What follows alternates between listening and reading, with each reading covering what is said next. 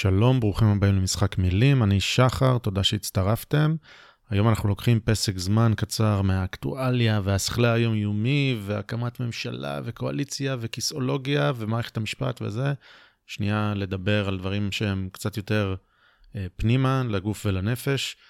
ככה אנחנו רואים את אה, הנושא של אמנות לחימה, זה משהו אה, עמוק יותר מלדעת לתת אגרוף או בעיטה, זה משהו שבאמת קשור אה, עמוק עמוק לגוף ולנפש שלנו.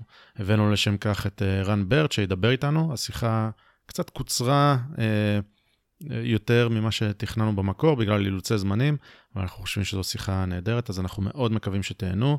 תודה לערן, שיציג את עצמו מיד. קדימה, זה הזמן לשחק את המשחק. Time to play the game. Time to play the game.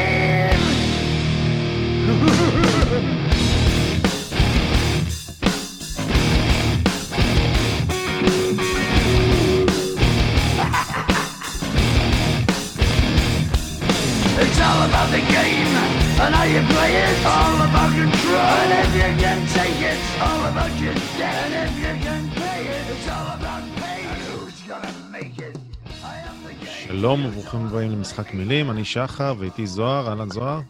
שלום, מה קורה? בסדר גמור, אה, שטוף ידיים, אני מבין שיצאת כן. קצת מהבית. כן, התאווררתי טיפה. ברכותיי. אה, נמצא איתנו היום אה, המאמן שלך. כן. ערן ברט, אהלן. אהלן, מה נשמע? בסדר גמור, ברוך הבא, תודה שהצטרפת. בטח, שטפתי ידיים גם כן. יפה, אז אני מרגיש בטוח. כן. מצוין. אז ברוך הבא. בוא נתחיל, בוא תספר לנו קצת על עצמך, קצת מי אתה, וניקח את זה משם. אוקיי. שמי רן ברט, אני בן 40. במקצוע שלי אני, אני מאמן, מאמן אומנויות לחימה. הדגש הוא על ג'ו-ג'יצו ברזילאי ו-MMA. עשיתי דרך, דרך מעניין, כאילו, דרך להגיע לה, להגיד שזה המקצוע שלי, דרך כל, כל מיני לבטים בדרך וכל מיני תחנות שהיו לי, אבל, אבל בעצם זה מה שאני עושה מאז שאני פחות או יותר מגיל 12, 11. זה משהו שהיה לי, שהיה שזור בהוויה שלי מאז שאני זוכר את עצמי, גם לפני שהתחלתי להתאמן בגיל, בגיל 12, אני זוכר את עצמי בגילאים יותר מוקדמים, רואה סרט של ברוסלי ויורד כזה לגינה ומכין לעצמי נונצ'קו ו, ו, ו, וחי את הדבר. אמ, הגעתי לזה, בסופו של דבר, כשהגעתי לזה, הגעתי לזה דרך איזשהו כורח, כלומר, איזשהו צורך. אמ, אמ, עברתי מתל אביב לחולון, והייתי באיזה, בשכבה קשוחה כזאת, ילדים כאלה קשוחים, אני הייתי חמוד כזה, הגעתי עם, עם המדריך לחרקים, המדריך של החברה להגנת הטבע לחרקים בישראל, כאילו זה, זה היה תחומי העניין שלי, הייתי ילד טבע כזה וזה, וקיבלתי שם אה, אה, זובור כזה יפה. קפה, כן. כן, כן. חיים, כאילו, אתה יודע, אה, מעצבים אותך. אה, וזה היה לי איזה שנתיים, שלוש כאלה מאוד מאוד קשוחות, ואז שמעתי על אה, חבר'ה, חבר'ה מהשכבה שלי שהתחילו ללכת לשיעורי קונג פו. בתקופה ההיא, אני מדבר לפני כמעט 30 שנה, זה, זה פחות או יותר מה שהיה, היה, היה קונג פו והיה קראטה. כאילו, וג'ודו. שני... זהו, וג'ודו, זה, וג'ודו. זה הדבר הגדול. אבל ג'ודו, ג'ודו זה היה ספורטיבי, ג'ודו זה היה ספורטיבי, זה לא, זה היה ספורט. קונג פו זה היה קונג פו. גם קראטה, זה היה צ'אק נוריס וברוסלי, זה היה שחור, שחור, השחור והלבן של העניין. ואני מצאתי את עצמי בקונג פו, הרבה פעמים זה, זה, זה המון מזל. זה... כלומר, אימא שלי אומרת שניס, שהיא ניסתה איתי ג'ודו שהייתי בן, זה גיל, בגיל חמש כזה, אבל ממש לא התחברתי, לא למדריך, לא לזה. זה, זה המון מזל, כאילו, מי אתה מוצא לידך, החבר'ה של השכבה שלך. לפחות ככה זה היה בזמני, לא היה אינטרנט ולא היה גוגל ולא היה מודעות ולא חיפשת ולא ביררת. חבר'ה מהשכבה שלך הלכו לעשות משהו ואתה הלכת לעשות, ואם היה לך מזל, נפלת על מקום טוב. אני לא, לא נפלתי על המקום הכי טוב, כלומר, בדיעבד זה, זה התברר, אבל בתוך המקום הזה היו לי כמה דמויות שהיו, ש, ש, שהתחברתי אליהם, והם היו כאלה אנשים שחיפשו, uh, שחיפשו את האמת. כאילו, כל הזמן היה איזה, יש איזה, יש איזה מתח בתוך אמנויות לחימה בין המסורת ושמירה על המסורת, ובין האמת. שאלה טובה, מה, כן, מה עובד, מה, מה, מה הדבר, מה, מה הדרך האמיתית. זה, אה, זה אנחנו מדברים שנות ה-80, 90, כאילו 90 כן, יותר. כן, שנות, שנות ה-90, כן, תחילת okay. אוקיי. שנות ה-90, ממש תחילת שנות ה-90, okay. 90, כן, 90. נושא שהולך אה, לקבל תשובה.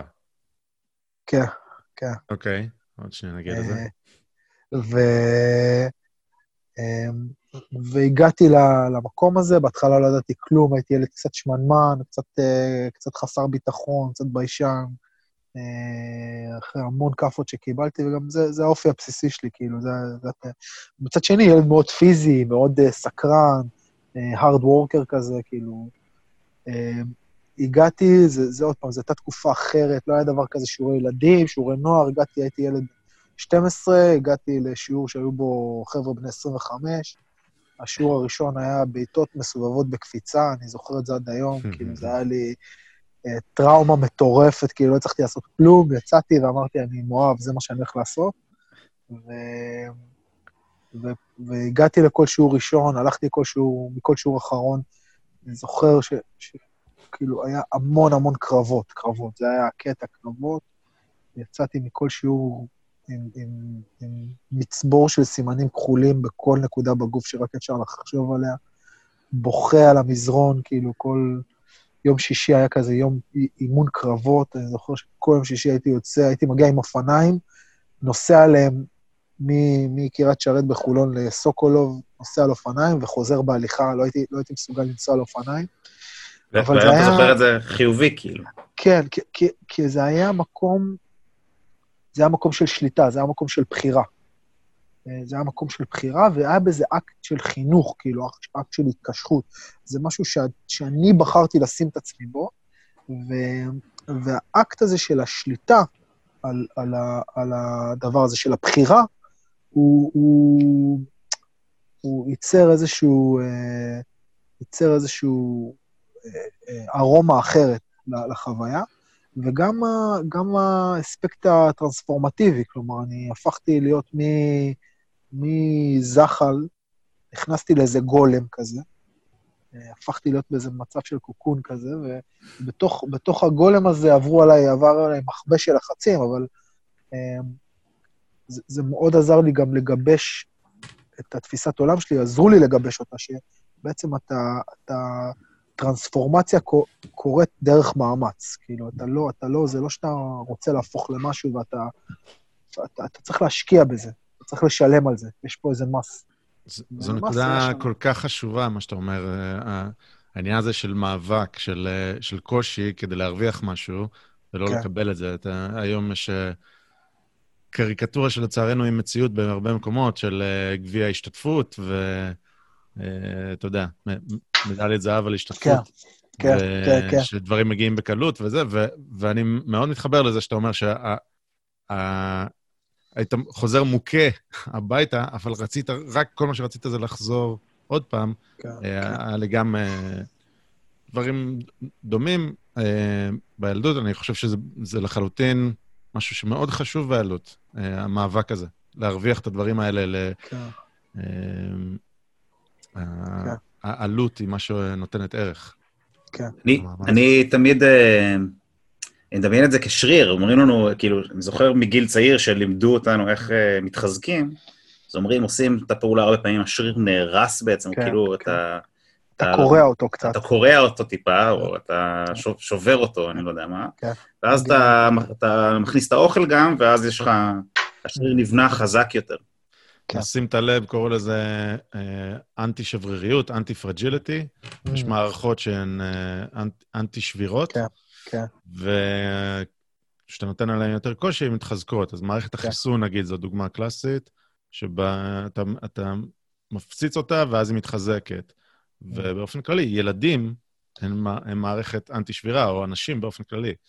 אה, כן. צריך לתקוף אותם כדי לעשות אותם יותר חזקים, ואם הכל צמר גפן סביבם, אז הם אה, יוצאים חלשים. לגמרי. וזה חלק מה, אולי מהבעיות של החברה המערבית. אגב, כאילו אמרנו את זה, ואתה בטח מכיר את זה על זוהר, אבל גם זוהר וגם אני בילדות היינו עושים ג'ודו, באמת. כן. אז, כן. זה... זהו, זה מה שבאתי לשאול. אני, אני אז גם שחר, מגיל ארבע ההורים שלנו שלחו אותנו לג'ודו, עשיתי את זה די הרבה זמן, עד, שאני, עד שנמאס לי, אבל עד התיכון לדעתי עשיתי, ואז, ואז זהו, ואז תיכון, ומצאתי דברים אחרים, והלכתי לצבא, ועשיתי... מה, איך, איך קרה שהמשכת עם הדבר הזה? מבעיטות מסובבות באוויר להתעסק בזה גם בגיל 40? אני חושב שזה מעניין, כי השיחה, כאילו, הרבה, הרבה אה, קצוות נפתחים, וכאילו, ואני רואה גם איך הרבה mm. קצוות יכולים אה, להשתלב אחד בשני. אני חושב ש... א', גם, אני ממשיך שנייה את מה שדיברנו עליו מקודם, כאילו, אני, אני, אני באמת חושב ש, שקושי הוא, הוא סממן של גדילה.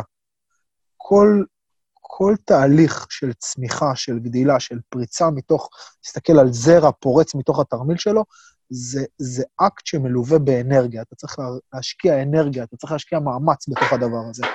אז, אז צמיחה וגדילה הן מלוות במאמץ. השאלה היום על, ה, על ה, כל, ה, כל המדליות האלה של השתתפות, שכאילו השתתפת, קבל מדליה, אני חושב שבתוך זה התפתחנו, והשיח היום הוא שיח יותר מורכב, שמדבר גם על, על, על אה, בשלות ועל טיימינג ועל תזמון.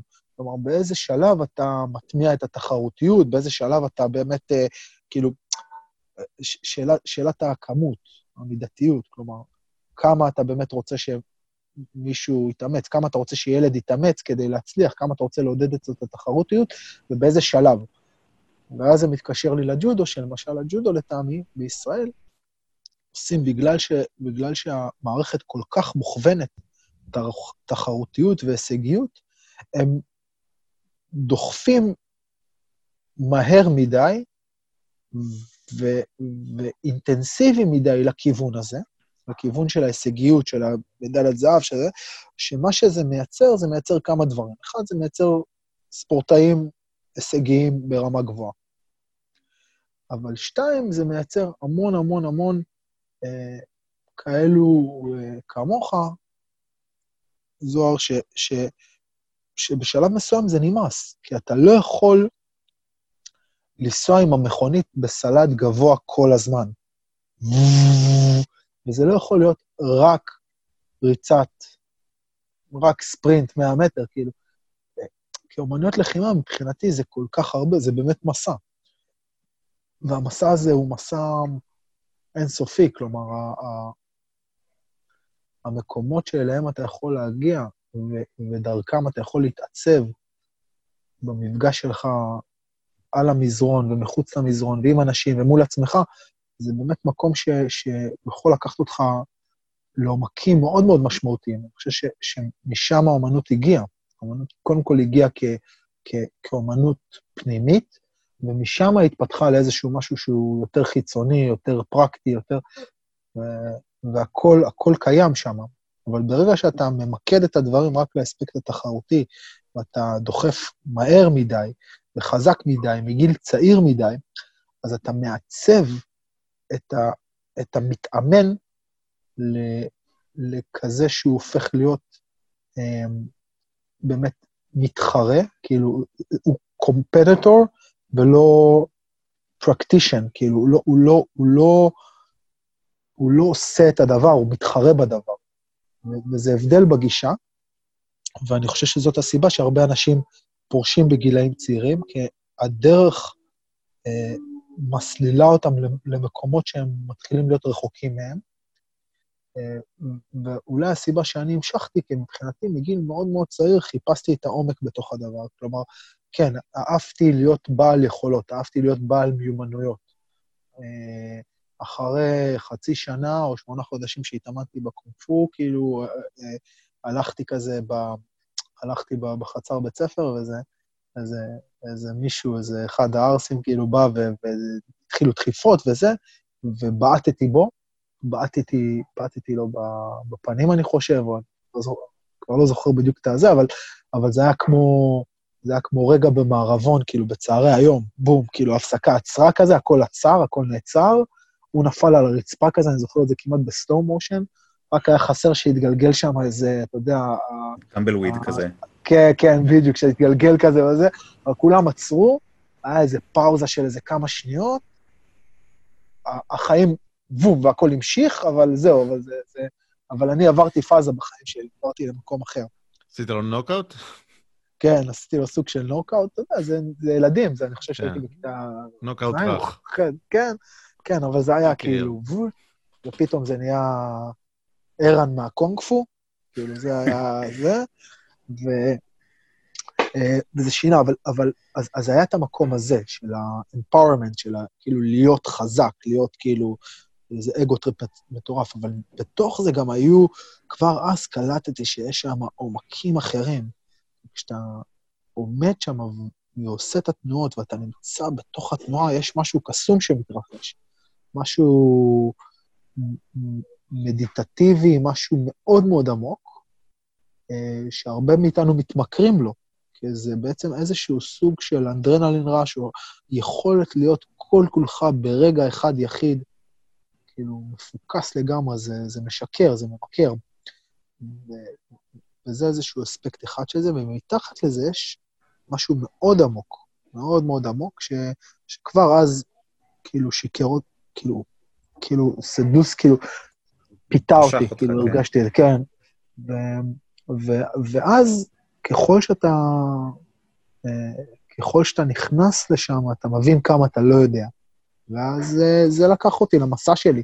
כאילו, כל פעם שהגעתי לאיזה מקום, הרגשתי שיש מה, עוד מה לגלות, עוד מה לחקור, עוד איזה אמת, עוד איזה דבר כזה. אז, אז בוא נחזור רגע באמת למסע שלך, כי אני גם סקרן, כי אני לא יודע את הפרטים באמת. אז גיל 12 הלכת לקונפו, כן. היית ערנג מהקונג-פו. מה, מה הלאה? הלכ, הלכתי, למ, הלכתי למכון שנקרא מכון אדיטל בחולון, זה היה אחד המכונים המוביל, המובילים בחולון, והיה דווקא מכון שיצאו ממנו הרבה אלופי ג'ודו. אה, ואז התחלתי את הקונג-פו, ובתוך הקונג-פו אה, אה, הגיעו גם חבר'ה, באותו מכון התאמנו גם חבר'ה מקראטה. והיו שם כמה שמות כאלה, שמות מיתיים כאלה, רק שמעתי אותם, אתה יודע, זה כמו עוף החול או, או חד קרן, זה כאילו איזה יצור מיתי כזה שאתה שומע עליו, אבל אף פעם לא רואה אותו, וככה, כמו בכל מכון, היו את השמות המיתים האלה. Uh, שאף פעם לא ראיתי אותם, אבל שמעתי מהקארטה, יש את הלוחם הזה והזה, זה בן אדם שהוא כאילו נותן מכה. ואז uh, יום אחד פגשתי uh, את אחד מהם, וזה עשה לי שיפט מטורף. זה כאילו גרם לי מאוד מאוד להרהר בשיטה שהתאמנתי בה. ומרגע שנכנס הערעור, ברגע שאתה סנסי, נחשף לזה... זה, זה סנסי מקראטה? זה אדם לא, מבוגר? לא, או... לא, לא, לא, לוח, לוחמים, כאילו אנשים שהם היו ממש uh, לוחמים ברמה מאוד גבוהה. בהגדרה שלי אז, כן? במה שידעתי אז, הם היו לוחמים ברמה מאוד גבוהה. עכשיו, זה, זה נער בן 14, כן? זה לא איזה... אה, אין אינטרנט, אין איזה... רצינו ללמוד איזה משהו חדש, היינו נוסעים, הייתה חנות שנקראה דו-קרב ברמת גן, היינו נוסעים בשלושה אוטובוסים מחולון לרמת גן לקנות קסטה, כאילו, אתה יודע, קסטת וידאו של איזה משהו ששמענו. אה, וראיתי את הלוחמים האלה, וברגע שראיתי אותם, הבנתי שמה שאני עושה זה לא אמיתי. הבנתי שכאילו, זה, זה היה שם דיסוננס גדול מדי, עברתי לקראטה. עשיתי קארטה איזה תקופה, התקדמתי שם עד איזה חגורה חומה. אמ, ואז אה, המורה של הקארטה עזב, וזה עוד פעם פתח לי, פתח לי איזשהו פתח, והתחלתי לחקור עוד פעם, ונפגשתי עם, אה, עם אה, מורה שהוא היה המנטור שלי לתקופה מאוד ארוכה, שעשה, היה אלוף אוקראינה באגרוף או משהו בסגנון הזה, והוא היה, עשה הסבה לקאמי, לקרב מגע, מגע ישראלי. השילוב הזה של אגרוף וקרב מגע גם פתאום פתח לי איזה צוהר, אה, צוהר מטורף למשהו, למשהו אחר. כל אה, פעם אתה מרגיש, רגע, אני משתמש בארגז כן. כלים מוגבל, הנה, עוד קצת. כן, כן ממש כמו בספרות זולה, ש... שהוא יוצא מה... ברוס וויליס יוצא שם מהמרתף, ו... ואז הוא מחפש איזה כלי נשק כזה, מוצא פטיש, ואז הוא מסתכל אה, שמאלה, רואה כזה, רואה מסור, מסתכל ימינה, רואה... כאילו, ככה הרגשתי, הרגשתי כמו איזה עולם כזה שאני רק אה, רוצה לחקור אותו. השילוב של האגרוף וה, והקרב, והקרב מגע היה, היה אה, שילוב מאוד מאוד טוב מבחינתי.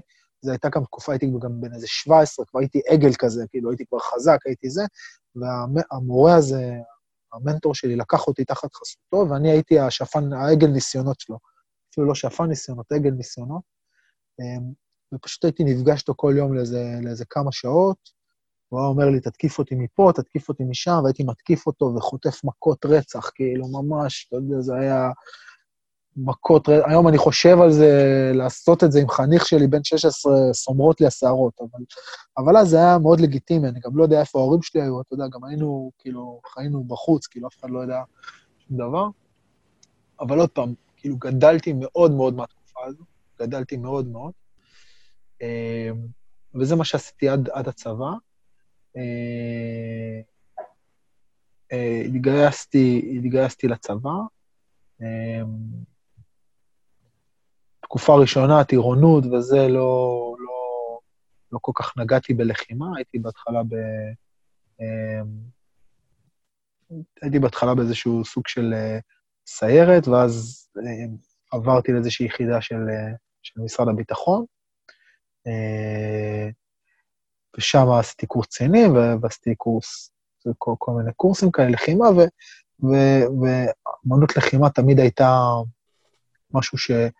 שמאוד מאוד נגע לי. תמיד אהבתי את האימוני קרב מגע, תמיד אהבתי את האימון לחימה, זה היה המקומות שכאילו חייתי בהם, משם הרווחתי את הכבוד שלי, משם כאילו זה היה המקומות ש, שצמחתי. אמ, הייתי מפקץ של איזשהו צוות, אה, ואת אה, רוב השירות שלי עשיתי בעזה, אה, ובהתחלה הייתה לי תקופה בעצם שלא, שלא התאמנתי בצורה סתירה. אה, בשנתיים הראשונות לא ראיתי, לא ראיתי בית כזה, אבל אז אחרי שנתיים, משהו כאילו, התייצבו לי קצת היציאות, ואז המאמן שלי, אה, ההוא של ה... של ה... של ה... אה, של האגרוף ושל ה... של הקאמי. כן. כן, הניסוי. אז קודם כל, הייתי צריך כסף, כמו, כמו כל, כמו כל חייל. חייל. אני, כן? ואז מה שקרה, שהייתי, כשהתחלתי לצאת אה, בצורה טיפה יותר סדורה, הוא התחיל לעבוד בתור מאבטח ב- ב- בדיסקוטק, דיסקוטק של מזרחית, של הופעות מזרחית כבדות כאלה, נקרא גן אפיקוס, זה כאילו, זה היה אחד מהדיסקוטקים למזרחית הכי גדולים בארץ, והוא היה משוגע כזה, הוא התחיל לעבוד שם גם כי זה היה כסף סבבה, וגם כי זה היה מבחינתו אה, אה, שדה, אה, שדה לבחון, שדה ניסויים, כאילו, שדה לבחון את הפרקטיקה של, של מה שהוא עושה.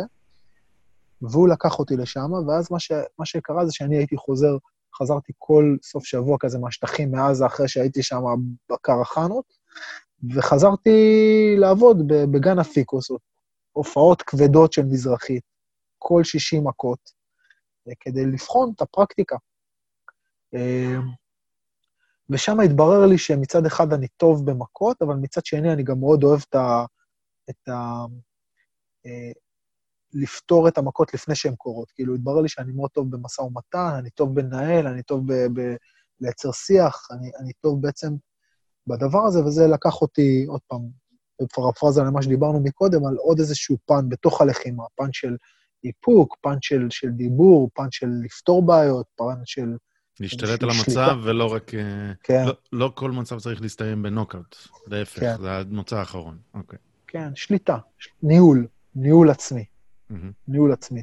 זה מאוד התחבר לי, עבדו שם חיות רעות, ואני הייתי חלק מהדבר הזה, וזה היה, זה היה מעניין. ואז אחרי איזושהי תקופה, שמה, כשאני בערך בן 20, המורה שלי, הוא אמר לי, תקשיב, יש פה איזה משהו חדש, יש משהו שנקרא ג'יוג'יצו ברזילאי. אמ, עכשיו, אני, אני, אני במקום הזה, בגיל 20, אני כבר אחד מהאנשים החזקים. כאילו, לכל מקום שאני נכנס, אני, אני אחרי שנים של קרבות, היינו עושים בושידו, כאילו shoot fight, קרבות עמידה, קרבות קרקע, הכל. בדברים מסוימים עם טכניקה, בדברים מסוימים בלי טכניקה, טכניקה מאוד מאוד בסיסית, אבל, אבל כאילו מספיק כדי לדעת, כאילו, להיות פחות או יותר הבן אדם, ה, ה, כאילו, הכי חזק בכל, בכל, או הכי מיומן בכל, בכל אזור שאתה מגיע. אז, אז בנקודה ההיא אני כבר רגיל, אני כבר לא זוכר, אני לא יודע מה זה להפסיד קרב. וזה כבר כמה שנים שאני, שאני מאוד אני מאוד... מכיר את זה, אני מכיר את זה. אה, ואז הוא אמר לי, יש איזה משהו, ג'ו-ג'יצו ברזילאי, אה, זה, זה משהו חדש, זה הגיע לישראל, מאוד מעניין, מאוד מעניין. איפה לומדים את זה? יש איזה מקום אחד באוניברסיטת תל אביב, חזר איזה מורה, הגיע מפה, הגיע משם. אמרתי, טוב, אני חייב, חייב, חייב לראות מה זה. אני עד היום זוכר את האימון הראשון שלי שם, הגעתי, אה, נתנו לי לעבוד עם איזה מישהו שהוא חגורה אה, לבנה, לימים הוא הפך להיות חבר טוב, והבחור, החגורה הלבנה הזה, תפס אותי בכל מיני דברים, ואני פשוט זוכר את התסכול שאני מנסה לנצח, אני מנסה, אני, אני רוצה לנצח, אני, ואני לא מצליח. והוא עושה לי דברים, ואני לא מבין מה הוא עושה לי. אתה בחוסר שליטה. אתה, אתה, אתה פתאום, בח...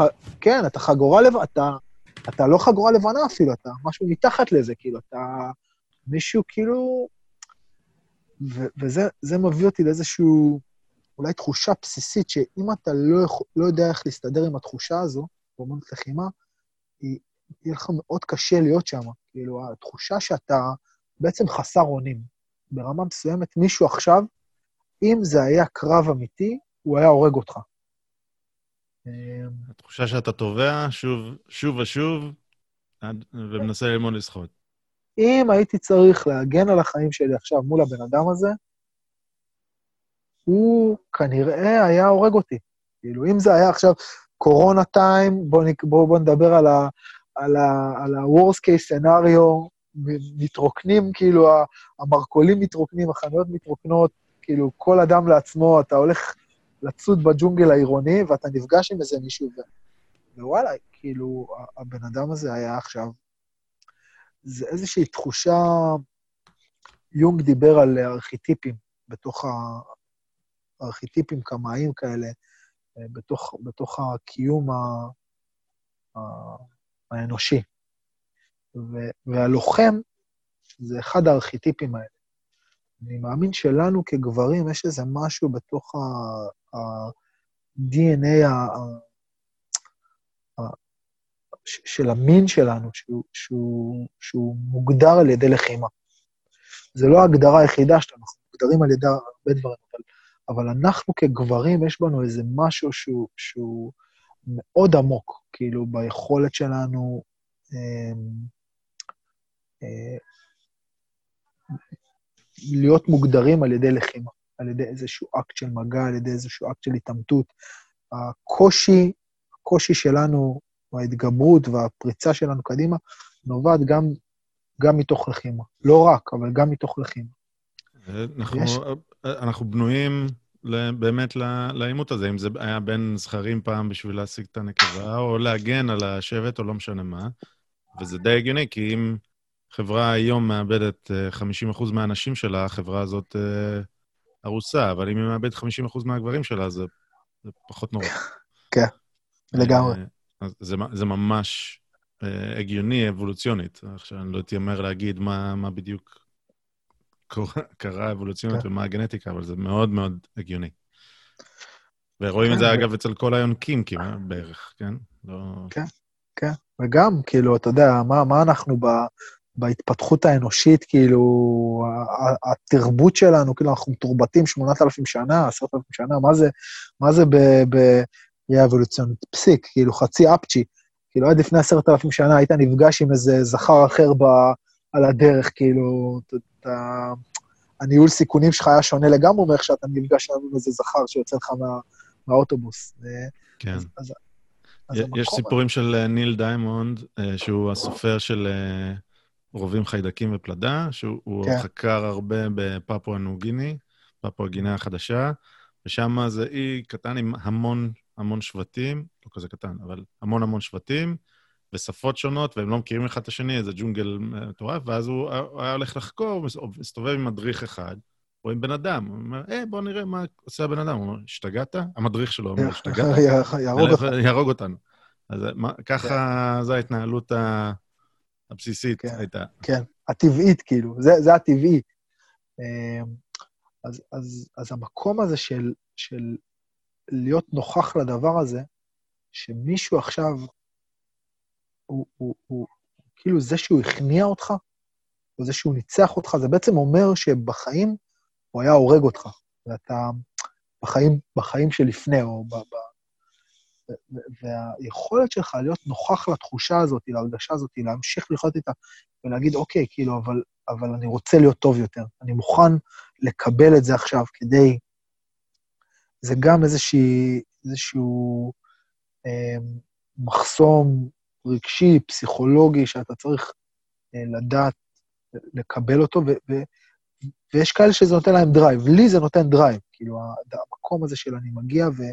ו מישהו מנצח אותי, זה נותן לי drive מטורף, כאילו, כדי להיות טוב יותר, וזה חלק מהאמת. אם אני מוצא מישהו שבעזרת הכלים שלו, המיומנות שלו, הצליח uh, להראות לי ש, שהוא יותר טוב במשחק הזה ממני, זה אומר שיש לו איזושהי חשיפה לאיזשהו ידע, לאיזושהי מיומנות, לאיזושהי אמת מסוימת ש, שנמצאת שם, ואני והאמת הזאת היא מטריפה אותי, כאילו, אני מוכן לעשות המון כדי להיחשף אליה, כדי לגעת בה, כדי להיות קרוב אליה יותר.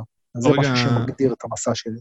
בוא רגע נעצור כן. ונסביר מה, מה זה הכלי הזה שגילית, זה כבר בשנות ה-20 המוקדמות לחייך כנראה, אה, אבל כשאומרים קונג פו, אנשים מבינים ישר, אוקיי, ברוס לי, אני יודע, צ'אק נוריס, קראטה, יודעים בערך מה זה, זה, זה striking. אוקיי? כן. אמ, אם זה striking בעמידה, אולי טיפה striking על הקרקע, אם יש כזה דבר בכלל, אבל אוקיי. ועכשיו, ואז יש גם קרב מגע ישראלי, ששם יש הרבה דברים שהם באמת על הקרקע, אבל קרב מגע ישראלי הוא באמת, אה, לא למדתי את זה אף פעם בצורה מסודרת, זה משולב עם הלוט"ר, אבל זה באמת לא בא להשתלט על מצב, אלא בא לפתור אותו מהר ולצאת, וללכת, נכון? אה, זה כאילו מקסימום קטלניות במינימום זמן. אה, אין שם, אין שם, זה אסקלציה לקיצון מההתחלה. כן. ישר לעיניים, לביצים. מתחיל בלזרוק כיסא. אז, אז, אז יש, יש, כל מיני, יש כל מיני סקלות או כל מיני גרפים שאפשר לחלק אומנויות לחימה. אה, סקאלה אחת יכולה להיות ריאליטי בייס, oriented martial arts, מול sport oriented martial art. כאילו, אז, אז אם, אז אם ב, בסקאלה אחת, בואו ניקח את השיטה, אני יודע מה, אה, אה, זה נקרא... טייצ'י או לא כן, טייצ'י? אייקידו. לא, אייקידו. אה, לא, אפילו זה, כי אייקידו וטייצ'י זה משהו אחר, זה בואו נקרא לזה אומנויות פנימיות מול אומנויות חיצוניות. אבל אם ב, ב, במקום אחד, בואו בוא ניקח טייקוונדו תחרותי, או touch קראטה, יש דבר כזה שנקרא touch קראטה, כאילו, סימון, מי מסמן ראשון, שאם סימנתי לפניך אז אני מנצח, תחשוב כמו סייף עם כן, הידיים. כן, זה אומר סייף, בדיוק. סייף עם הידיים, אז זה בסקאלה אחת של sport oriented, ואז, אה, אתה יודע, זה יכול ללכת לכיוון של, אה, של אה, טייקוונדו, ואז, ואז אגרוף, ואז אגרוף תאילנדי, וכאילו רמת הפרקטיקה עולה, עד לאומנויות שהן בעצם לא אומנויות, הן יותר שיטות לחימה, שהן ריאליטי בייס, אין להם, אין לך באמת דרך למדוד אותם ספורטיבית, כי בעצם הפקטור שלהם היחידי זה השימוש שלהם ברחוב. אז אתה יכול לדבר על uh, אומנויות כמו קרב מגע, או יש כל מיני שיטות אמריקאיות, בריטיות, כל מיני כאלה באונסרים שממציאים איזושהי שיטה שהיא כזאת, כאילו, זה, זה, זה הפקטור שלה. Uh, דברים שקשורים לסכינים הרבה פעמים משתלבים שם איפשהו בתוך הדבר הזה. אבל אתה מתחבר למה שאמרתי, ששם אין שליטה, שם זה לפתור את המצב עכשיו וללכת. הישרדות כן. וללכת. ישר כן. ה... כן, האוריינטציה, כן. האוריינטציה של, ה, של השיטה היא בעצם ב... הישרדות. בכמה היא פרקטית, כאילו, כמה היכולת שלך אה, להתאים את עצמך, לאלתר לתוך איזשהו מצב קיים, ובאמת אין שום עקבות, אין שום... אה, אה, אין שום, אין, אין שום, כאילו, קווים ש, שתוחמים אותך. הם אדומים, כן. כן, הכל זה, תעשה מה שאתה צריך כדי לשרוד. אז אוקיי, זה, זה סקאלה זה? אחת. אה, ומה זה ג'י-ג'יצו אז? איפה זה נופל? כן, אז אחרי קרב מגע, אתה אומר, ג'ו-ג'יצו הגיע כן. למצב שאתה אתה אמרת פרקטי, וג'ו-ג'יצו הביא כן. אותך למצב שהפרקטי לא עוזר לך, אז בוא תסביר לנו איפה ג'ו-ג'יצו עומד, מה זה, במילה או משפט. וכמה. אה, קדימה, תן לנו את זה. אה, אז אני חושב שא', ג'ו-ג'יצו הוא, הוא קשה לי לשים אותו, לתחום אותו לתוך משהו אחד. אני חושב שגם פה יש איזושהי אבולוציה של אומנות לחימה או של שיטת לחימה. ג'ו-ג'יצו במקור שלו התחיל כשיטת לחימה שהותאמה לסמוראים. ככזה הוא התעסק עם אה, נשקים קצרים, ארוכים, אה, לחימה עם אה, יד ריקה ועוד כל מיני טכניקות שבעצם הותאמו כדי לייצר שיטת לחימה מאוד מאוד פרקטית לזמנים ההם, כדי שחייל, כדי שסמוראי יוכל לנצח בקרב. עכשיו, אז, שלא כמו היום, אם השיטת לחימה שלך לא הייתה פרקטית, לא היית שורד.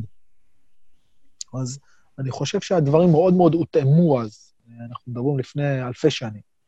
אה, ואז יש איזושהי דעיכה, המסורת נכנסת, ואתה מתחיל לעשות כל מיני דברים שהם לא רק בשביל הלחימה, אלא גם בשביל ה-well-being, והשיטה מתחילה להיות עגולה יותר וטיפה יותר אה, אה, אה, מסורתית, ונכנסים כל מיני טקסים וכל מיני דברים אחרים. אה, ואיפשהו בשלהי אה, המאה הקודמת, בתחילת המאה הקודמת, לא בשלהי, אה, היה בית ספר גבוה ל, ל, ללימודי לחימה יפנים בטוקיו שנקרא קודוקן, וזאת הייתה תקופה שבה היפנים מאוד נפתחו לתרבות מערבית ורצו להוכיח שהם טובים, כמו, כמו שהם אוהבים להוכיח שהם טובים יותר.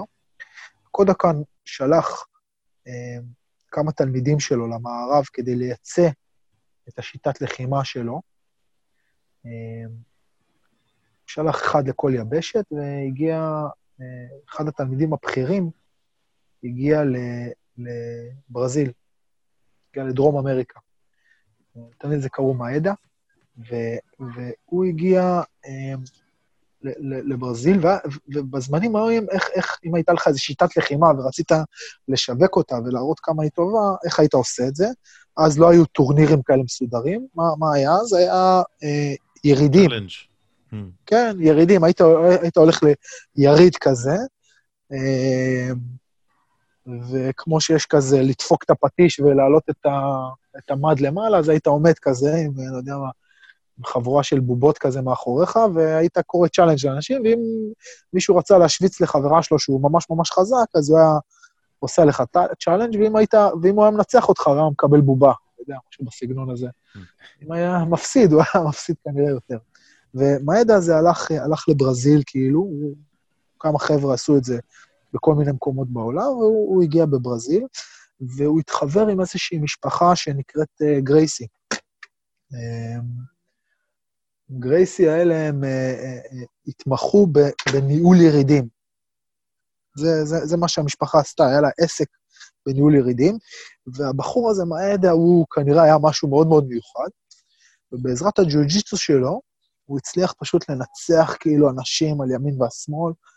ברזיל מדינה קשוחה, כל מיני אנשי תערובת, כל מיני אנשים די קשוחים, וה, והמעדה הזה פשוט הצליח כאילו להשאיר רושם כנראה מאוד מאוד חזק. האבא של המשפחה ראה אותו, והוא חשב על הבנים שלו. היה לו בן בשם איליו, שהיה קצת חולני כזה, קצת רזה, קצת קטנצ'יק, והוא החליט שהמעדה הזה יהיה המורה שלו. והמעדה הזה לקח את, ה, את היליו ואת הבן דוד שלו, קרלוס, ולימד אותם ג'ו-ג'יצו. לימד אותם ג'ו-ג'יצו, והם לקחו את הג'ו-ג'יצו ובעצם נתנו לו את, ה, את, ה, את הזווית שלהם. היליו הזה תמיד היה באמת קטן יותר, צנום יותר, והוא פיתח את הג'ו-ג'יצו למקום של איך אני משתמש בג'ו-ג'יצו כדי להגן על עצמי מעמדה של חולשה, לא מעמדה של כוח. והוא קלט משהו מסוים. הוא קלט איזה משהו מסוים. הוא קלט שכשאני עומד מולך, אם אני עומד מולך, ושנינו נלחמים, אה, חוקי המשחק מאוד מאוד ברורים. זה מאוד אינטואיטיבי לך לעמוד מולי ולהניף אגרוף. ובחוקי המשחק האלו, אה, המסה והכוח שלך הן מתנהגות בצורה מסוימת ביחס לאיך שהגוף שלך מסודר. כשאתה חושב על זה, זה עושה די היגיון, כדי לזרוק עכשיו כדור מאוד רחוק, או כדי לזרוק כידון, או כדי לייצר כוח מתפרץ, הגוף שלך צריך להסתדר בצורה מסוימת. אם, אם אנחנו נבחן את זה בווידאו, אז יש צורה מאוד מאוד ברורה לאיך אנשים מייצרים כוח מתפרץ. זה מאוד אינטואיטיבי. אבל אם אני משכיב אותך עכשיו על הרצפה ואני מבקש ממך לייצר כוח מתפרץ, זה מאוד מאוד שונה. זה כאילו, זה, זה עולם אחר. חוקי משחק שונים. כאילו לקחתי אה, אריה ושמתי אותו בתוך המים ואמרתי לו, בוא תנסה לצוד עכשיו. זה, זה אחרת לגמרי. ואילו קלט את הקטע, שהוא קיים בתוך הג'ו-ג'יצו, הוא לא, הוא לא קיים בצורה אקסקלוסיבית, הוא היה חלק. זה כאילו יש לי, אה, באפוד שלי יש לי סכין, אקדח, אה, רובה ורימון. אבל פתאום, פתאום איליו קלט שאם אני עכשיו אמקד את כל האנרגיה שלי רק עם הסכין, ייתכן שאני בכלל לא צריך את הרימון ואת האקדח ואת, ה, ואת ה, כל הדברים האחרים, וזה הופך להיות אה, משהו מאוד מאוד מאוד ייחודי ואפקטיבי. ככה שאם בעצם, אם בעצם מישהו בלי כוח ובלי מסה מצליח לקחת מישהו עם כוח ועם מסה אל הרצפה ולהביא אותו לתוך, לתוך הקרקע, חוקי המשחק משתנים בצורה דרסטית.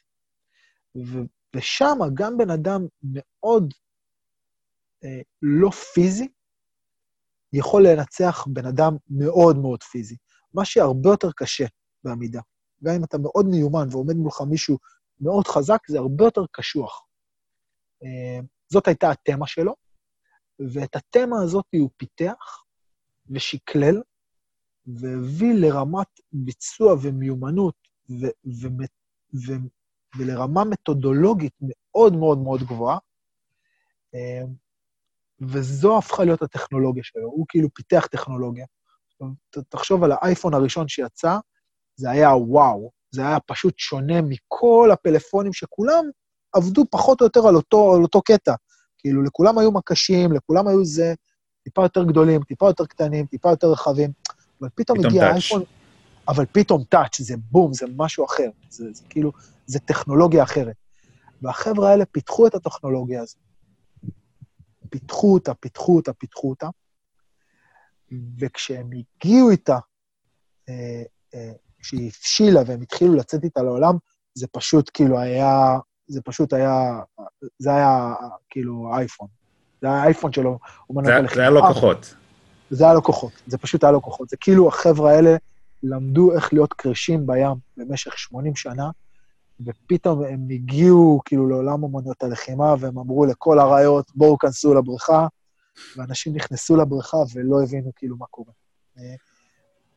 וזה בסופו של דבר הג'ו-ג'יצו הברזילאי, בעצם ההתמקדות המאוד מאוד ספציפית בפן מאוד מסוים של לחימה, שזה פן של עבודת קרקע, של מניפולציות אה, אה, מפרקיות או סחוסיות, כל מיני מניפולציות על איברים של הגוף, יצירה של מנופים אה, על, על, על איברים של הגוף, תוך כדי זה שבעצם אתה מייצר עמדות שליטה, אה, והשילוב הזה של עמדות שליטה ומניפולציות ועבודת קרקע, ובעצם זה שאתה נכנס לעולם שחוקי התנועה בו שונים מהעולם שאתה מגיב. כמו שאסטרונאוט עכשיו יוצא לחלל, הוא צריך לבלות כמה זמן וללמוד את חוקי התנועה במקום שיש בו אפס כבידה, אז, אז גם על הקרקע יש חוקי, חוקי תנועה שונים, ובמקום הזה מספיק שאני אלמד אותך, אה, לא צריך ללמד אותך הרבה מדי על חוקי התנועה של הקרקע ועל ה, המתודולוגיה של איך, איך הדברים האלה נראים, ופתאום גם בן אדם חלש יחסית יכול לנצח בן אדם מאוד חזק. זה מאוד מפתיע כמה זה אפקטיבי וכמה זה... זה אז, אז, אז הג'ו-ג'יצו התפתח משם. ופעם הוא היה אך ורק שיטה אה, ש, שהיא הייתה reality based, כלומר, היא הייתה צרה בתפיסה שלה, כי היא בדרך כלל דיברה להתמודד עם בן אדם אחד, אבל זאת הייתה האוריינטציה שלה. וככל שהדברים התפתחו והתקדמו, היא הפכה להיות גם שיטה שהפכה להיות sport uh, related, כי, כי בעצם אנשים רצו לבחון כמה הם טובים בג'יוג'יצו, אבל הם לא יכולים לבחון את זה ברמה של, אוקיי, בוא נלך מכות עד המוות. זה מה שהיה פעם. הם היו נכנסים לזירה ועושים uh, ולטודו, הכל מותר. היו בוחנים את זה בזירות כאלה, אבל מעט מאוד אנשים נכנסו לזירות האלה, ומעט יותר יצאו מהם בחתיכה אחת. עם שתי עיניים, שתי עשר אצבעות וכאלה. ואז אה, ככל שהדברים מתפתחים, הם הופכים להיות מעודנים יותר, כדי שנוכל לבחון אותם בצורה טובה יותר, נוכל לחשוף אותם, כדי ש... שאתלטים יוכלו להמשיך לחיות ולהתפתח, ולא, הקריירה שלהם לא תיגמר אחרי שתיים, שלוש, חמש, עשר קרוב.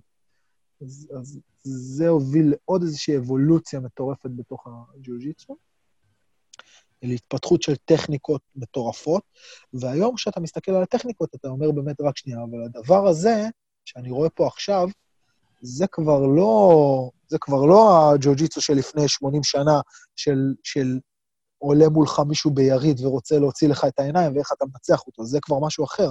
זה ג'ו-ג'יצו שהוא מוכוון לחוקים שונים, לניקוד שונה, וזה בעצם ספורט, זה סוג של ספורט, שה, שהבסיס שלו הוא בתוך לחימה, מאוד מאוד משמעותית, וקל לעשות אולי את המעבר, אבל זה כבר ספורט, זה כבר לא, זה כבר לא הריאליטי בייס, זה כבר לא כאילו שיטת לחימה כמו שקרב מגע הוא שיטת לחימה.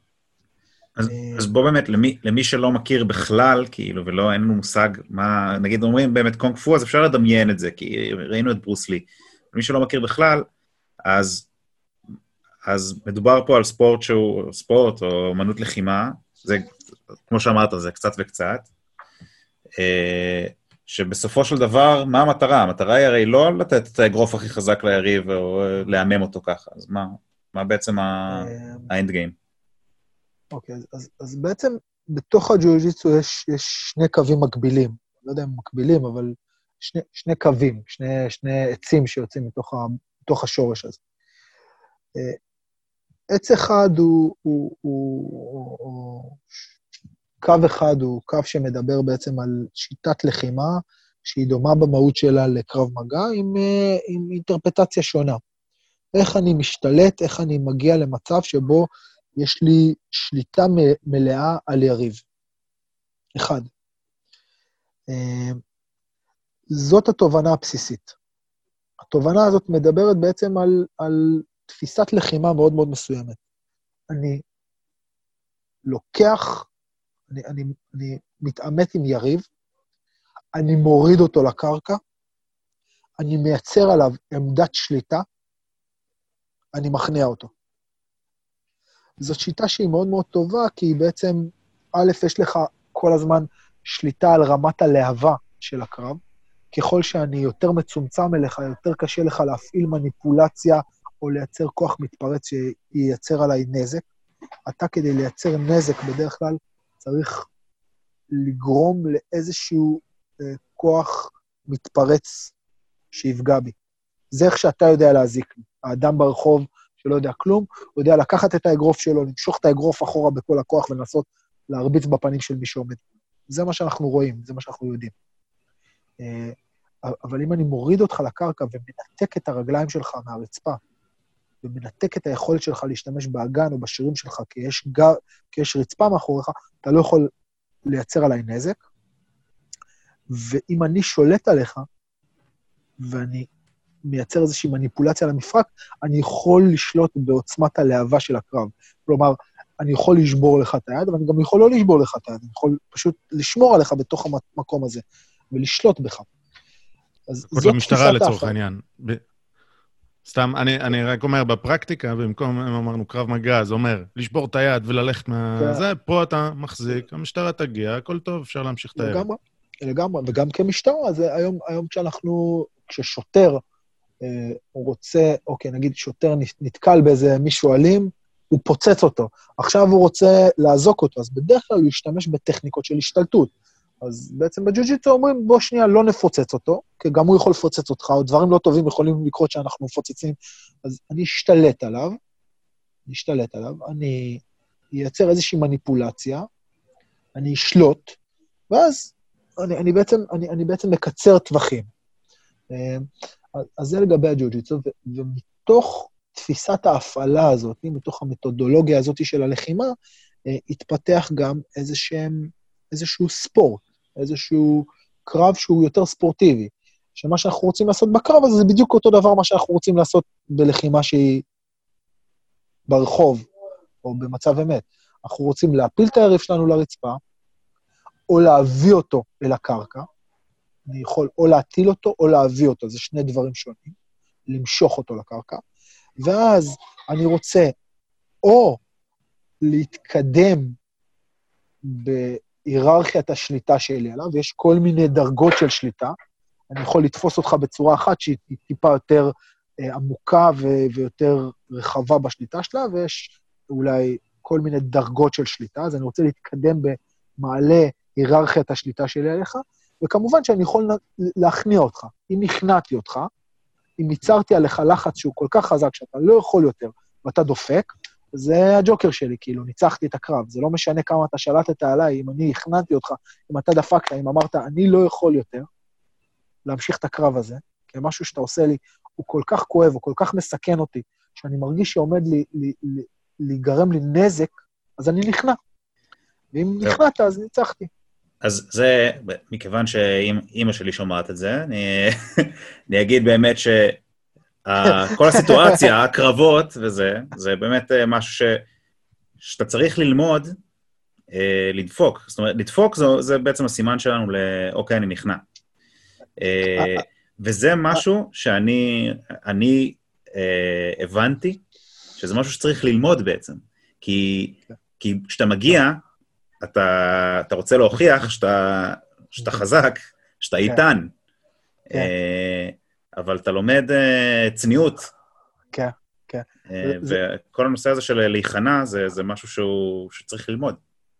כן, זה, זה בדיוק מה שדיברנו אולי מקודם, עם הקטע הזה של אם הקושי הזה שלנו להיכנע, להכיר באנושיות שלנו, להכיר בזה שמי שעמד מולי עכשיו, בעצם אם זה היה אמיתי, אז הוא היה הורג אותי, כאילו. אז ההכרה בזה היא הכרה מטלטלת. אה, לגברים, אגב, נשים הרבה יותר קל להם להיכנע. אין להם בעיה, הן נכנעות, דופקות, הכל סבבה. אבל לנו, האגו שלנו כל כך מחובר, ההגדרה העצמית שלנו כל כך מחוברת לדבר הזה של אני נכנעתי לך עכשיו, שזה באמת, באמת שונה. אבל, אבל בסופו של דבר, אני מקביל את זה למשחק שח. כאילו, ג'יוג'יצו מבחינתי הוא משחק שח. עשית לי שחמט, ניצחת את המשחק.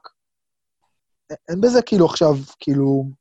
אז, אז, אז, אוקיי, אז בואו נשחק שחמט, ו, והשחמט הוא גם קצת כואב. כאילו, יש פה אספקט של כאב. בעצם, הכאב הוא השחמט. כאילו, זה יותר מדי כואב, אוקיי, שחמט. אבל זה בעצם מה שעושים בג'ו-ג'יטו, וזה הסיבה שזה כל כך, כל כך, כל כך משקר. אם, אם הייתי אומר הרבה פעמים שקרב, אה, שקרב אני חוזר שנייה חצי צעד אחורה, דיברנו על, על ספקטרום או על סקאלה של אה, אומנויות לחימה שהן reality based למול אומנויות לחימה שהן sport אה, based.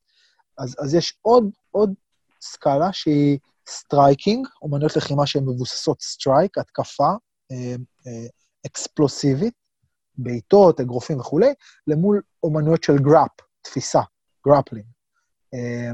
אז למשל, ג'ודו, האבקות, אה, סמבו הם בצד של ה grappling, ו- וקראטה, אגרוף תאילנדי, אגרוף הם בצד של, ה str- של ה striking.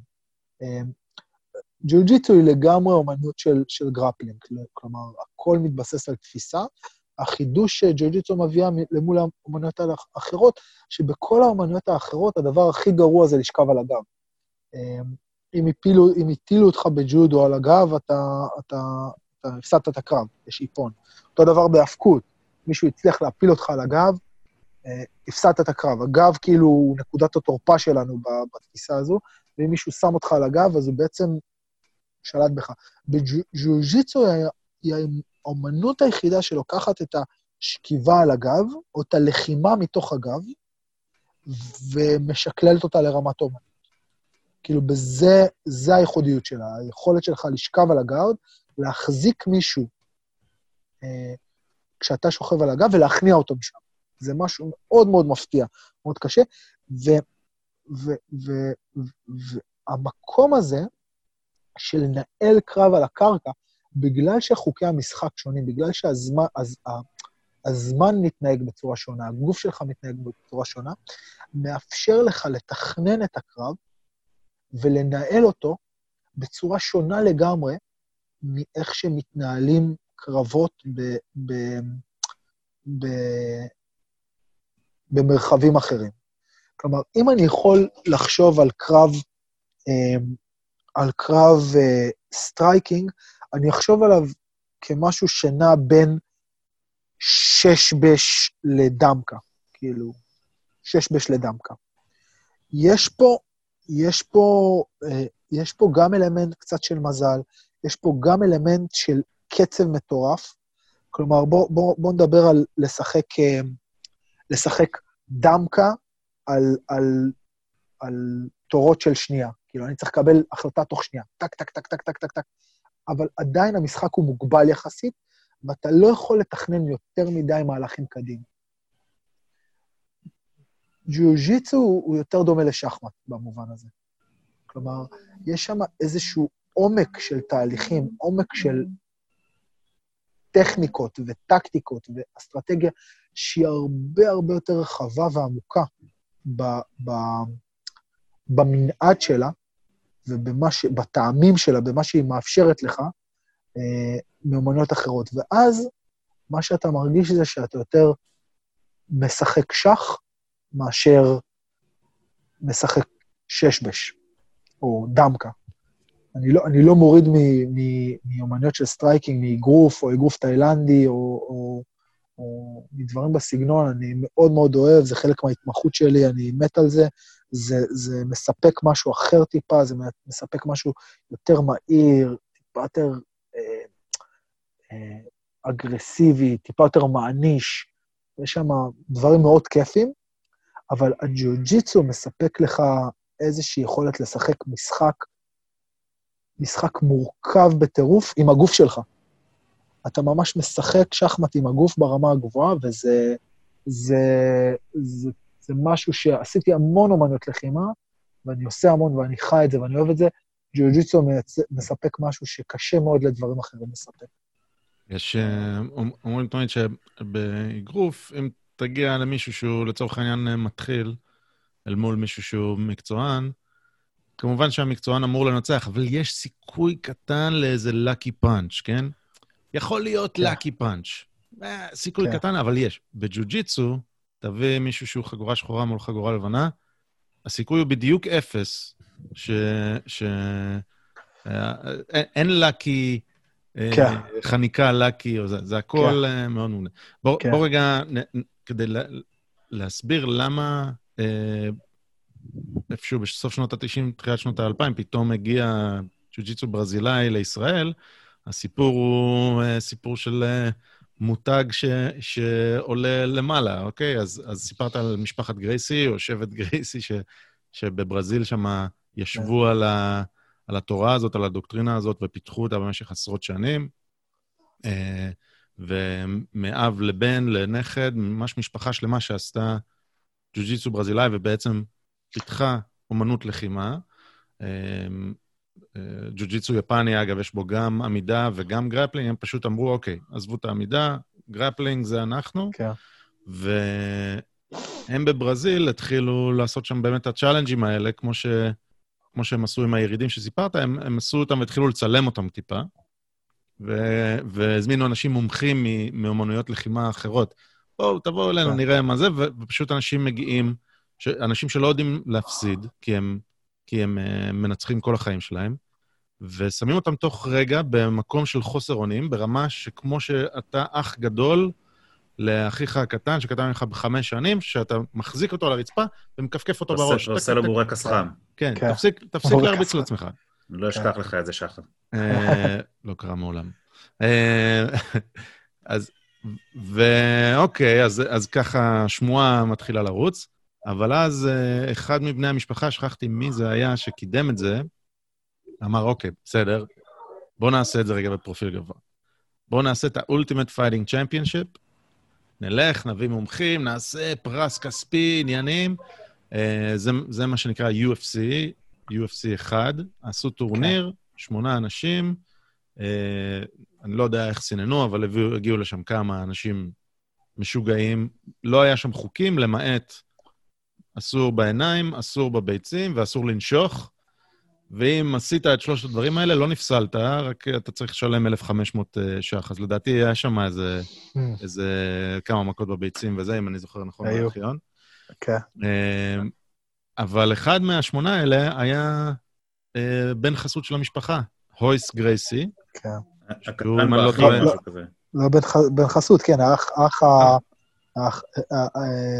האח הלפני הבכור. לפני בכור, והוא גם לא הכי גדול, והוא גם לא כן. נחשב הכי טוב במשפחה. אני חושב שהם שלחו בכוונה את ה... אה, הכי פחות טוב אצלם או משהו כזה. לא, לא. אז בעצם מה שקרה זה שהיו שני טורנירים שבעצם התחילו באותו זמן. הטורניר הראשון אה, נקרא ה Pride, אה, אוקיי? שהוא התרחש בעצם ביפן. זה ריקסון, כאילו? ושם ריקסון הלך. ריקסון היה אהך. הוא הלך ל Pride, כי ב Pride שילמו מן הסתם יותר כסף.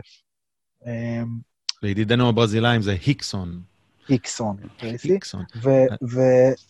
והויס באמת הלך ל-UFC, וזה מדהים שהם בעצם קרו באותה תקופה, כאילו פתאום הייתה איזו הבשלה כזאתי, ובאותה שנה, לפי דעתי זה היה 93 או 94, שלוש. היה בעצם שלוש, היה, היה גם את ה Pride וגם את ה-UFC, ואחרי בעצם שנים שבאמת החבר'ה האלו, אה, ריקסון עלה גם לזירות בברזיל, זירות מטורפות עם רוצחים, אה, ורויס וכל החבר'ה הלכו בארצות הברית, ובעצם גם הזמינו אנשים אליהם, אבל יותר מזה, באו ונחתו במכונים של, של, של כל מיני אומנויות לחימה אחרות, פשוט הגיעו, וקראו challenge, קראו תיגר. עכשיו, אני לא יכול לדמיין את זה, אני לא יכול לדמיין היום מישהו נכנס למכון שלי ואומר לי, בוא נלך, אה, בוא, בוא נראה כמה אתה יודע, בוא, בוא נעשה פה קרב. אני זורק אותו כאילו, צא לי מהמכון, מזמין משטרה, מה אתה עושה פה בכלל? אבל, אבל אז הם עשו את זה. תחשוב שזה גם אקט שהוא מאוד אלים ואגרסיבי וזה, כן, ממש. אבל הם עשו, וככה הם בנו את עצמם. זה, זה אולי המקום... אה... להגיד שמי שלא ראה את הסרט צ'וק, רן ראיתי את זה כן. איתך לדעתי, שהיינו ב... מחנה אימונים. כן, כן, זה סרט, אפשר למצוא אותו ביוטיוב, זה אה, ריקסון גרייסי וכל הסיפור שם, כן. איך זה נקרא? לא, אני מחפש לך פה המלצות תרבות כל שבוע ואתה לא מביא את זה. אתה רואה? אז זה סרט שאני מראה הרבה פעמים, נגיד, לבני נוער שלי, כשאנחנו... אה, אה, אני עושה להם מחנות אימונים, חבר'ה חדשים, אני חושף אותם לדבר הזה, גם כאיזשהו סוג של פיסת היסטוריה, גם איך הדברים היו שם, היו אז, אה, וגם באמת על, על המקום הזה של הליכה אל עבר האמת, כאילו, של, של הלוחם. כאילו, אני לא חושב שהם עשו את זה באמת ממקום של כסף, או, אלא באמת כדי להוכיח משהו. זה, זה היה מקום של להוכיח משהו. הרצון הזה להיות הכי טוב, הרצון הזה... באמת לנצח, זה מעבר ללנצח את כל היריבים. זה כאילו, הם ידעו שזה הכי טוב, שזה, כן, שזה מצליח, כן, זה פועל. כן. והם כן, אמרו, אנחנו פשוט... חייבים להראות את זה. תראו איזה אייפון יש כן, לנו פה. כן, כן, כן. זו, וגם... זו הייתה הדרך. רגע, אז נסיים כן. את הסיפור. אז אני, אני לא יודע מה קרה ב Pride, אתה תצטרך להגיד לי, כן. אבל ב-UFC היה טורניר, והויס גרייסי, אה, לא שרירי במיוחד, לא 70 קילו, לא מאוד כן. אתלטי. נכנס לזירה, לכלוב, עם חיות אדם, אה, שני מטר שרירים וזה. מאוד מרשים. ועושה באותו יום, עושים כמה קרבות, והוא מנצח אחד הרבה. אחרי השני, אחרי השלישי, כן. וזוכה ב Ultimate Fighting Championship. ו... ומהצד, אם אתה לא מבין, מהצד זה נראה שכאילו? אוקיי, רק שם, מה קרה שם? לא, זה מכור, כן, מה... כן, כן, זה כאילו, זה לא נראה טוב כל כך. זה נראה כזה כמו... זה, זה, זה, זה לא מה שאתה מצפה. זה לא מה שאתה מצפה לראות. אוקיי, ואחרי זה עוד שנה, אומרים, טוב, בסדר, הבנו, זה, שוב, מנצח את הזה. ואנשים ענקים, יש... אה, אה, אה, אחד הקרבות, הוא נלחם נגד דן סברן, שמי אה, שהיה. ב- בשנות ה-90 ילד וזוכר אותו אולי קצת מבושידו, בושידו. שאפשר לדבר על זה טיפה, אבל אה, דן סברן מתאבק, אמריקאי קשוח, עם שפם, אז, אז כל מה שהוא אומר נכון. אה, כן. ו- ויושב על גרייסי, מתאבק, אי אפשר, אי אפשר לקום. המתאבק הוריד אותך, אי אפשר לקום. גרייסי על הגב, של מעליו. איזה 30-40 קילו, כאילו, כן. זה- זה... הוא שם מנסה לטחון את גרייסי, אבל גרייסי, את, את הויס, אה, הויס על הגב, הרבה זמן, אני חושב, סדר גודל של 15 דקות, הוא יושב עליו, אבל לא מצליח לתת לו מכות לראש או מרפקים או זה, כי אה, הויס שולט במצב על ידי זה שהוא לא נותן לו להתייצב כלפי מעלה, ואז באיזשהו שלב הוא כאילו זורק את הרגליים שלו על הזה, והשדרים שם אומרים, כן, הנה, הוא עדיין ממשיך פה, פתאום דן סברן עושה tap-out, כאילו דופק, אה, נכנע. נכנע. אז אומרים, מה, מה קרה פה? בעצם הוא עשה חניקה, כמו שאמרת, עם הרגליים, אה, כן, משולש, של המשולש. אה, וזה פשוט, זה גם לא נראה כזה הדוק, אתה אומר, מה, מה זה? גם דן סברן, אני מניח שהוא הרגיש את זה בהתחלה על הרגליים, טוב, הוא מתחיל לסגור, וזה, וזהו, אי אפשר, אי אפשר לשמוע, ואתה פשוט מבין שאתה מדבר שפה שלא מתאימה. כן, אה, כן. נכנסת, נכנסת לים, היית אריה, נכנסת לים, לים עם כריש, כריש, כן. כריש קטן, כריש קטן, אבל אוקיי, אז, אז המותג מתחיל לעלות, ו... של ג'ו-ג'יצו ברזילאי, ומש... וזה גם עובר אבולוציה כי... כי ברגע שאתה יודע לה- להתגונן מג'ו-ג'יצו ברזילאי, או אתה קצת יודע, אתה, אתה כבר קצת יודע לשחות אריה עם סנפירים, כן, אז, כן. אז אולי אתה יכול זה, אז, אז צריך לפתח את זה ולשלב ממש. לתוך ה grappling, לשלב striking והכל. וכולה שבע שנים אחר כך הגיע אליך כבר מוצר שהוא טיפה אחר, ומאז עברו עוד 20 שנה, ו, וזה התפתח המון, אבל היום כשמדברים על ג'ו-ג'יצו ברזילאי, בעצם כמעט, אולי, אולי מה שאני אומר הוא לא לגמרי נכון, אבל מדברים היום על MMA, וג'ו-ג'יצו ברזילאי, MMA, מיקס מרשל ארטס, וג'ו-ג'יצו ברזילאי, זה כמעט... כל מכון שעושה אחד עושה גם את השני, נכון? אז, אז, אז, אז היום, דווקא היום, מה שקורה זה שיש... אמ, בוא, בוא נעשה ככה. כל לוחם MMA יעשה ג'ו-ג'יצו ברזילאי.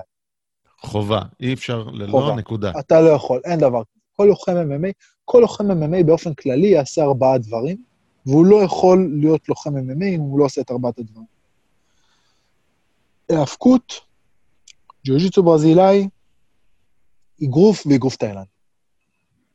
מאוד מאוד קשה כאילו להיות לוחם MMA שלם שמגיע לאיזושהי רמה שהיא מעבר לרמת התחביב, אם אתה לא, אם אתה לא שולט בארבעת השפות האלה. זה כמו שאתה... אריה אריה עם סנפירים וכנפיים, ו... כן, ושיניים. כן. כן. אז, אז, אז אתה לא יכול להיות, אתה, אתה באמת לא יכול להיות, כי זה כאילו, זה, זה ה fundamentals, כאילו, אתה לא... אה, לא משנה איך אתה תשווק את עצמך, ואתה יכול אה, להגיד שאתה הגעת מ- מקונג פו או whatever, אבל אתה, אתה לא יכול אם אתה לא עשית את זה. זה אז- עולם ששיווק לא עוזר בו. כן, לא, אתה... השיווק נכנסת לזירה, השיווק- השיווק כבר לא יעזור לך. כן, כן, אתה יכול לשווק את עצמך איך שאתה רוצה, אבל בסופו של דבר אתה תעשה את זה, או שלא אין לך זכות כאן. אה, ו, ו, אבל היום המון המון המון מכונים של ג'ו-ג'יצו ברזילאי לא מתעסקים כבר ב-MMA. כלומר, הם מכונים שיותר מתעסקים בג'ו-ג'יצו ספורטיבי, שמאוד מאוד התפתח, מאוד מאוד התפתח, ו, והם לא מתעסקים ב-MMA, ויש לזה כמה סיבות. עכשיו, בוא, בוא רגע ניקח את זה למאזין שלא מכיר, אוקיי? ולא בא לו להיכנס לכלוב עם הרי כן. אדם, אוקיי? ויודע מה, אולי הוא גר אה, או בעיר או במקום מקום שאולי יש אה, מכון לידו, אולי יש לו, לא אולי, יש ילדים, אולי הם, הם מרגישים, רוצים בעצמם. למה, אה, נשאל את זה אחרת, מה אתה ממליץ לאנשים לעשות? דיברנו על זה שהמאבק הוא משהו טוב, אז אנחנו כולנו נסכים פה, שלושתנו, שאומנות לחימה, ללמוד בגיל צעיר זה משהו טוב בשביל המאבק, אבל מה אתה ממליץ לאנשים לעשות בשביל עצמם ובשביל הילדים שלהם? מה... אה, קודם כל, אני חושב ש... אה, אני חושב שג'ו-ג'יצו ברזיל, שכל אמנות לחימה היא, היא מדהימה, כאילו, אבל, אבל היא מדהימה במהות שלה, ואת המהות הזאת צריך לתווך. איך אתה מתווך את זה? צריך מאמן שיתווך את זה. אני לא חושב שיש אומנות לחימה לא טובה. למשל, האנשים אולי שהכי למדתי מהם בתחום של הלחימה הם בכלל אנשי קפוארה. כאילו, יש לי מנטור שהוא הוא, הוא, הוא, הוא בעצם מי שהקים את, את הקפוארה בישראל, או קידם אותה, והוא הוא מנטור שלי, כאילו, אני לומד ממנו מלא, והייתי מת שהילד שלי יתאמן. אז קפוארה, אתה יודע, אין מגע, כאילו. אז, וזה עדיין, אני חושב שזה זה, זה מוגדר כאומנות לחימה. אז, אז בעצם מה שאני אומר, שמי שמתווך, מי שמתווך את האומנות לחימה, מי שמתווך את המהות, שזה המאמן, זה הפקטור הכי משמעותי. זה הפקטור הכי משמעותי. כי האמת נמצאת שם בכל מיני דברים. אמ, כאילו, אז היום שאני מסתכל על משהו, על השם, ג'ודו, ג'ו-ג'יטו ברזילאי או אגרוף, אני, אני לא מסתכל על, על השם, אני מסתכל על מי מתווך אותו. ובשביל זה צריך קצת לשהות וצריך קצת לברר וצריך קצת לראות, ו...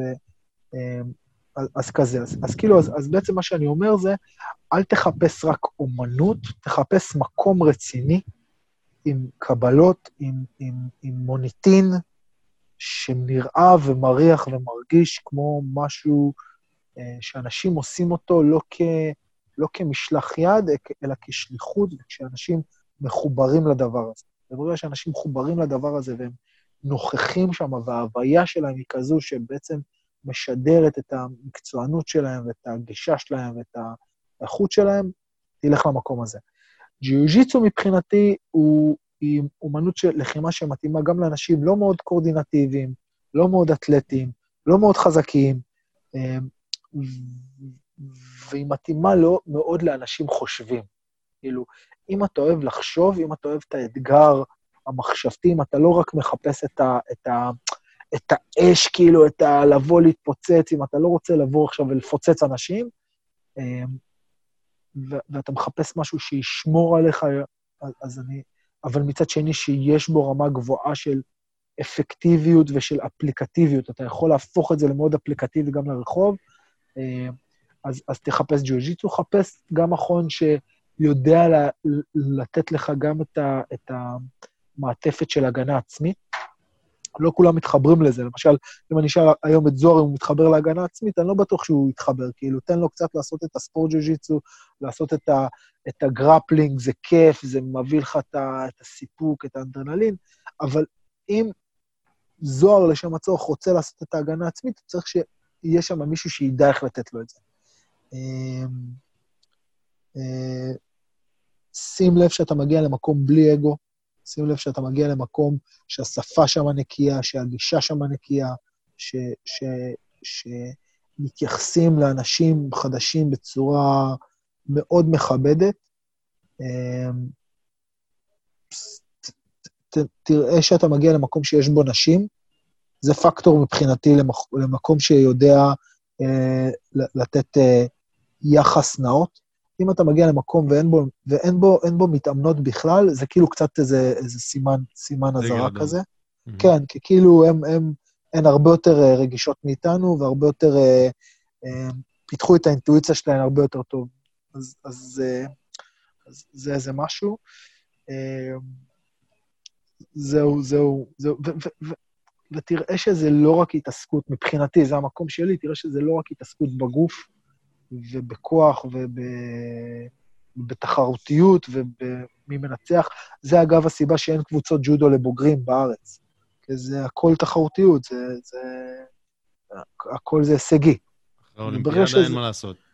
לא, כן, לא חשבתי על זה אף פעם, שאין, שאין ג'ודו לבוגרים. אין נכון. ג'ודו, יש שתי קבוצות ג'ודו לבוגרים לדעתי בארץ, כאילו, אתה יודע, זה, זה ספורט אולימפי. אנשים, זה הכל כל כך כאילו כל כך אינטנסיבי, כל כך תחרותי, כל כך הישגי, שאתה לא יכול להתחיל ללמוד את זה בגיל 22-3. אתה לא יכול, אתה תיפצע על ההתחלה. אמ, ג'ו-ג'יצו, אתה יודע, יש לך אנשים בני 50, 60 שמגיעים לשיעור ראשון. הולכים הביתה, שמחים, כיף להם. זהו. כן. אה, אז אנחנו מודעים לזמן שלך, בוא רק תיתן, הסתיימה הקורונה, אה, חזרתם לעניינים, תן לנו איך מוצאים אותך, את המכון שלך, את ה... וואו, אני, אני לא יודע. מחר זה היום הראשון שאנחנו חוזרים לאמן, כאילו, מה מוגבלים לחפש? לעשרה אנשים. מה לחפש לא, הוא? מתכוון איך, אה, איך מוצאים אה, את המכון אה. באינטרנט. אה, איך מוצאים את המכון באינטרנט? טוב, אנחנו צריכים. עדיין לדבר על איך, על איך, איך, חוזרים, לה, איך חוזרים אחרי הקורונה, כן. אבל איך, איך חוזרים.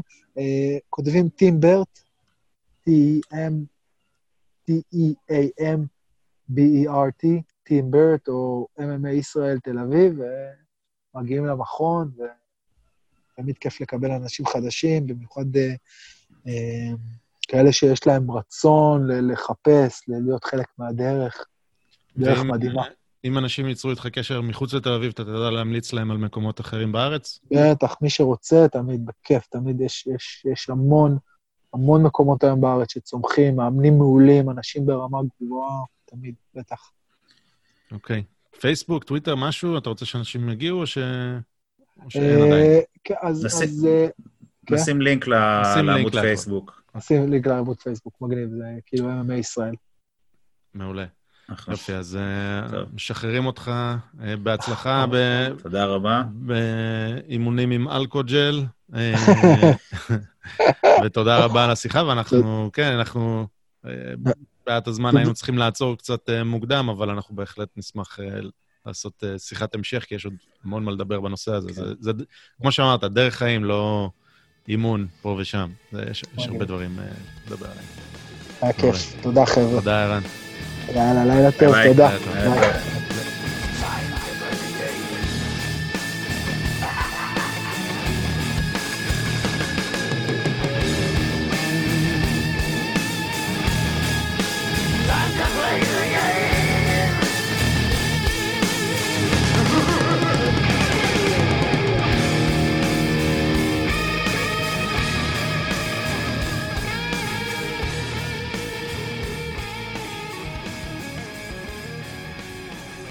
אם אתם מוצאים את הפודקאסט הזה בעל ערך, אז תכתבו לנו תגובות באתר, באימייל, תעקבו אחרינו ביוטיוב, בטוויטר, צייצו אותנו או תשתפו אותנו לחבריכם, כשעוד אנשים ישמעו ויוכלו להאזין, כי אם מצאתם את זה שוב בעל ערך, אז אולי זה שווה.